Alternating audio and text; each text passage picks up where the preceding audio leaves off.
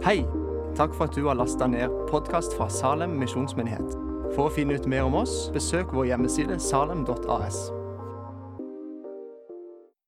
I dag skal jeg få lov til å dele noen ord som handler om åndelige praksiser. En disippels åndelige praksiser. Og hva mener vi med det begrepet?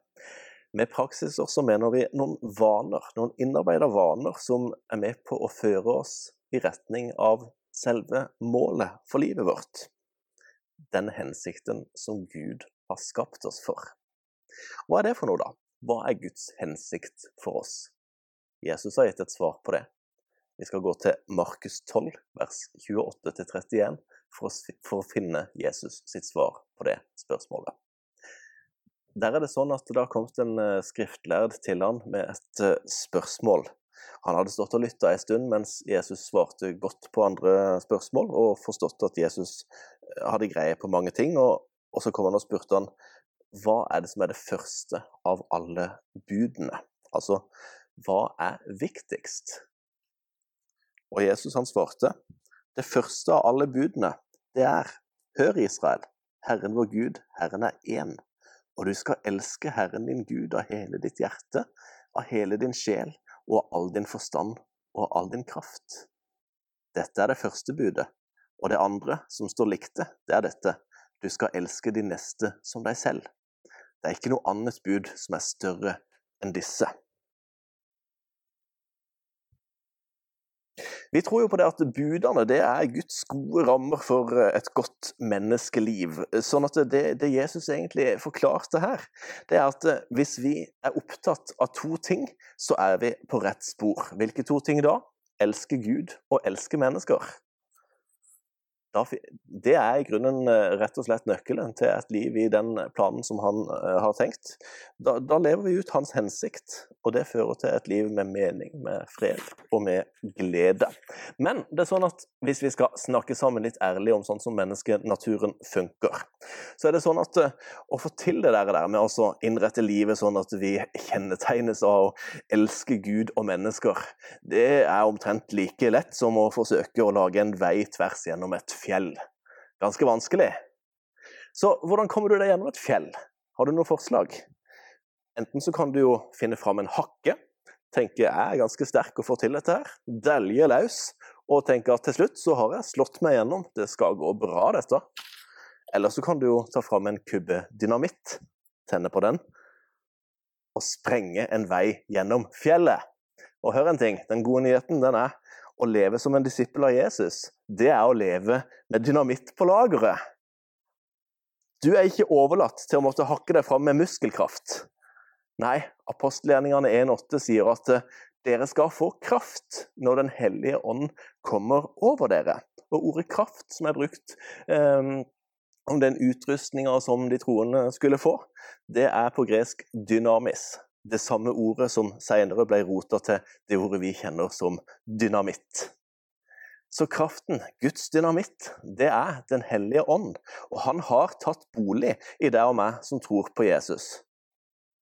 Og Vi slipper den krafta til i våre liv gjennom å ha noen gode vaner, noen rutiner, noen praksiser som gjør at vi tar vare på vårt hjerte, og at vi holder det på sporet av disse to tingene elske Gud og elske mennesker.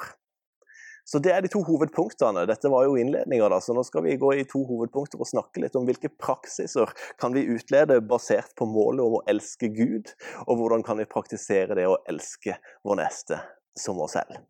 Så Da går vi løs på det første av de. Åndelige praksiser basert på målet om å elske Gud. Det er noe interessant å legge merke til i det budet som Jesus sier er det første. Det viser oss nemlig noe om hva Gud vil med oss. Det Gud ønsker med deg, det er en kjærlighetsrelasjon. Og hvis man skal ha en kjærlighetsrelasjon med noen, da er det en veldig stor fordel å rent praktisk finne ut hvordan viser en kjærlighet. En som har jobba mye med det eh, i eh, konteksten av eh, menneskelige, menneskelige parforhold, og hvordan man praktisk uttrykker kjærlighet overfor hverandre. Det er en forfatter som heter Gary Chapman, som har skrevet en ganske kjent bok som heter De fem kjærlighetsspråkene. En del av dere kjenner sikkert til den. eh, og noen gjør kanskje ikke. Men den har hjulpet mange i parrelasjoner med å forstå hverandre bedre. Og den forteller at det fins fem grunnleggende språk for å vise kjærlighet.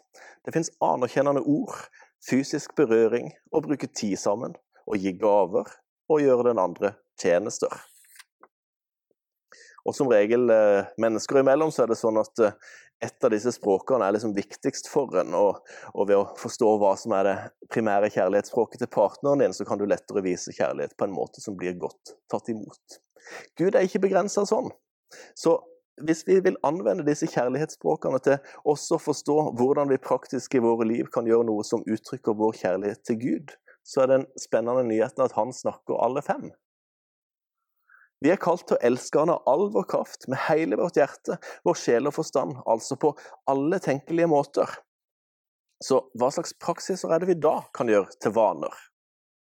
Jeg vil si noe samla først om de tre første av disse språkene, for de har til felles en ting. De utfordrer oss til gode vaner i å pleie vår egen relasjon med Han, til å høre fra Han og til å la Han høre fra oss. Det er anerkjennende ord, at vi tar imot Hans ord til oss om at vi er ønska, elska, dyrebare. Da kan vi elske Han fordi Han har først elska oss, og så kan vi la Han få vår lovprisning i retur. Fysisk berøring, der mener jeg at i en åndelig relasjon må vi kunne oversette det til nærhet. At vi tør å slippe Han til i vårt innerste. At Han får høre oss utøse hjertet innenfor Han. At vi får være stille sammen med Han, finne fred i Hans nærvær. La Han få lov til å lede oss og lege oss og prioritere tid sammen. At vi gir han prioriterte rom til kvalitetstid, både alene med han og i fellesskapet av troende. Så spørsmålet blir da hvordan kan vi praktisere vaner som gir han vår tid, som gjør at vi holder oss nær til han, sånn at vi får møte han i ordet, ære han og utøse hjertet for han. La meg gi deg et bilde på hvor viktig det er. Det fortelles at bønder i Midtvesten i USA pleide å forberede seg på snøstorm ved å binde et tau fra låven til bakdøra på huset sitt. Det gjorde de rett og slett for å være sikre på å kunne finne veien hjem. For hvis de tilfeldigvis var i låven og jobba akkurat når stormen brøt løs, så kunne det lett bli så vidt og så voldsomt og så vanskelig å se hånd for seg at man rett og slett kunne gå seg vill på egen gårdsplass. Det kunne bli så voldsom snøføyk at folk faktisk skal ha frosset i hjel mens de gikk rundt på gårdsplassen uten å finne veien. Tauet var helt nødvendig for ikke å bli desorientert, forvirra, bortkommen. Den amerikanske forfatteren Peter Scazzero gjør et poeng av det her i, i boka som heter 'Under overflaten'. Og det er at mange av oss har erfart hvordan livet kan bli som en sånn hvit snøstorm som herjer med oss. Opptakten til den stormen kommer gjerne ved at vi sier ja til litt for mange ting. At vi forsøker å møte altfor mange krav, enten de er sjølpålagte eller kommer fra andre. Så fyller vi kalenderen, vi multitasker, vi er effektive. Vi blir stressa, slitne og travle. Jeg snakker av smertelig erfaring om hvordan det kan slå ut. Jeg har erfart at den hvite snøstormen kan bli ganske ubehagelig, og det har kanskje du òg. Så vi trenger et tau, alle sammen, som hjelper oss å manøvrere rett, både i gode tider med god sikt, og når tåke eller storm kommer. Skazero skriver at dette tauet det finner vi gjennom to eldgamle øvelser, tidebønnen og sabbaten. Og jeg siterer Tidebønnen og sabbaten er tau som fører oss tilbake til Gud midt i livets snøstormer. De er ankeret som holder oss fast midt i alle kravenes stormkast. Når vi praktiserer disse to øvelsene fordi vi ønsker det, ikke fordi vi må, da gir de livet vårt en rytme som binder oss til den levende Gud. Tidebønn. Hovedprinsippet der er ikke liturgi eller ferdigskrevne bønner, selv om noen finner hjelp i sånne ting òg. Men kjerna i saken er det her. Vi trenger å stanse opp for å overgi oss til Gud i tillit, og vi trenger å gjøre det jevnlig, som en rytme over livet vårt, helst flere ganger daglig. Og det her med tid med Gud det tror jeg kan se ganske ulikt ut i ulike livsfaser. Eh, I noen sesonger av, livet kan uh, timelange sånne morgeninnvielser være veldig meningsfylt, mens uh, klart at for mange så er det lite kombinerbart med, med bleieskift og rekke skolebussavganger og, og, den slags. Så kanskje er det i mange sesonger av livet mer konstruktivt med noen minutter av gangen, morgen, ettermiddag, kveld f.eks. Jeg jobber i grunnen med å utforske det for min egen del. Kjerna i tanken om tidebønn det er å finne regelmessige tider for å stanse opp. Hva er det som passer i din livssituasjon?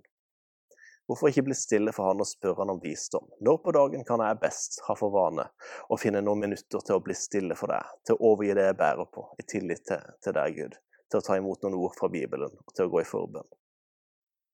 Og så er det med sabbaten, hviledagen. Kjernen i ideen om sabbat det er at for å holde batteriet gående på et sunt nivå, så trenger vi en 24 timers periode i uka til å stoppe opp, til hvile, til glede og livsutfoldelse, og til kontemplasjon, til gudstjenestefeiring, til å grunne på Guds kjærlighet. Vi går videre med kjærlighetsspråk-tanken. Det fjerde av språkene vi nevnte, det var gaver. Det er klart det å, å, gi med glede til Guds rike, til misjon og til de som trenger hjelp, det er en kjærlighetshandling, en åndelig praksis, basert på at han allerede har gitt meg og deg alt. Han ga sitt liv for at du skulle få leve. Og det femte kjærlighetsspråket er tjenester. Det å hjelpe til eller stå i tjeneste i menigheten, det er også en kjærlighetshandling, en åndelig praksis. Og når den er gjort av hjertet, som for Herren og ikke som for mennesker, så kan det være en sterk måte å møte og oppleve Gud på. Han sjøl ble alles tjener. Han vaska sine disiplers føtter til og med. Og Sånn demonstrerte han også det kjærlighetsspråket. Så kort sagt, praksisene som springer ut av kjærlighetsspråkene vi kan ha overfor Gud, hjelper oss å leve ut budet om å elske Han. Og det er både ved at de hjelper oss å holde fokus på det som er hensikten med våre liv, og ved at de hjelper oss å slippe Hans kraft løs i våre liv, fordi Han kommer til når vi gir Han rom. Det var punktet om å elske Gud. Vi må ta med oss noen ord mot slutten om også en praksis basert på målet om å elske vår neste som oss selv. Hvordan kan det være en sånn åndelig vane som er med på å slippe Gud løs i våre liv? Jo, jeg vil foreslå noe nokså enkelt nå, egentlig. Det å møte en annen kan i seg selv være en åndelig øvelse. For snart 100 år siden så var det en smart teolog som heter Martin Bober. Han skrev ei bok som heter 'Jeg og du'. og jeg inviterer deg på et, sånn, et lite ettminuttsdykk inn i hans egentlig ganske dype tanke. Tanken er at det optimale forholdet mellom to mennesker det er en jeg-du-relasjon. Og Det oppstår når jeg møter den andre som verdifull, med verdighet uten objektifisering, uten umenneskeliggjøring. Da må jeg møte den andre som et du, og ikke som et det. Når jeg gjør det, så skapes det et hellig rom imellom oss, sier Bober, fordi ethvert du avspeiler noe av det evige du, nemlig Gud sjøl, som vi er skapt i bildet til. Jesu eksempel det utfordrer oss voldsomt til å se den andre som et du, og ikke som et det. En tidligere buddhistmunk som er blitt frelst, eh, fortalte meg en gang at i det munkefellesskapet som han hadde forlatt, så hadde de en sånn vanlig hilsen som var sånn God morgen, jeg er deg. Og det var for han et uttrykk eh, for de sin tro da på at en gang så skal vi alle gå opp i ett med det store altet, kosmos, slutte å være personer. Etter omvendelsen så hadde han og flere i hans kristne fellesskap fått for vane å og på en litt sånn humoristisk måte hilse hverandre sånn som det her. God morgen, jeg er ikke deg. En salig påminnelse om at det å være skapt som en unik person, det er fantastisk. Noe av det i Bibelen som taler sterkest til meg om Jesus sitt eksempel i det å møte mennesker som et du, det er historien om Sakkeus. Vi tar et lite blikk innom han før vi avslutter. Vi får vite nokså få ting om Sakkeus. Vi får vite at han jobba som overtoller. Han var rik. Mange mislikte han. De så på han som en syndig mann, og når han ville fram for å se Jesus, når Jesus kom forbi, så var det ingen som gadd å slippe han fram. Han var liten av vekst, og Jesus omtalte han som fortapt og bortkommen. Og den dagen som er beskrevet i Bibelen, så hadde Sakkeus tatt sjansen på å tabbe seg litt ut ved at han hadde klatra opp i et tre for å kanskje kunne få se Jesus. Sakkeus var vant til at folk så et D når de så han. Kanskje en kortvokst original. Kanskje en svindler som hadde tatt pengene deres. Kanskje de rett og slett syntes han ga de for dårlig service når de måtte innom tollboden, og at han var en kjip fyr. Og kanskje forakta de han fordi han var en kollaboratør med okkupasjonsmakta. Kanskje tenkte han der han klatra at det gjør vel egentlig ikke så mye om de i tillegg tenker at det er teit som klatrer i trær.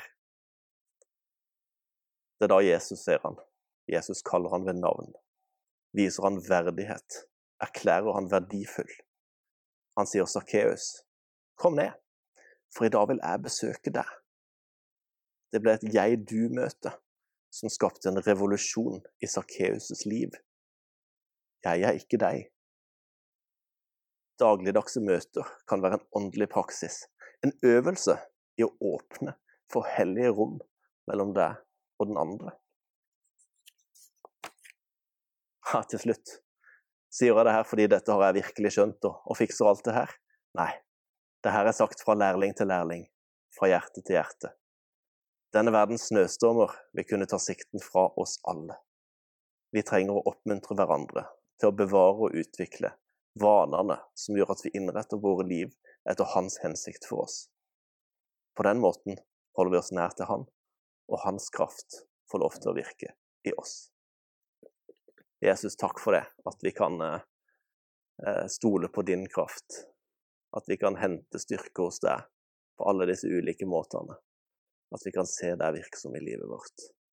Takk, Jesus, for at vi sammen kan være dine disipler og bøye oss inn for deg. Amen. Herren velsigne deg og bevare deg. Herren la sitt ansikt lyse over deg og være deg nådig. Herren løfte sitt åsyn på deg og gi deg fred. Amen.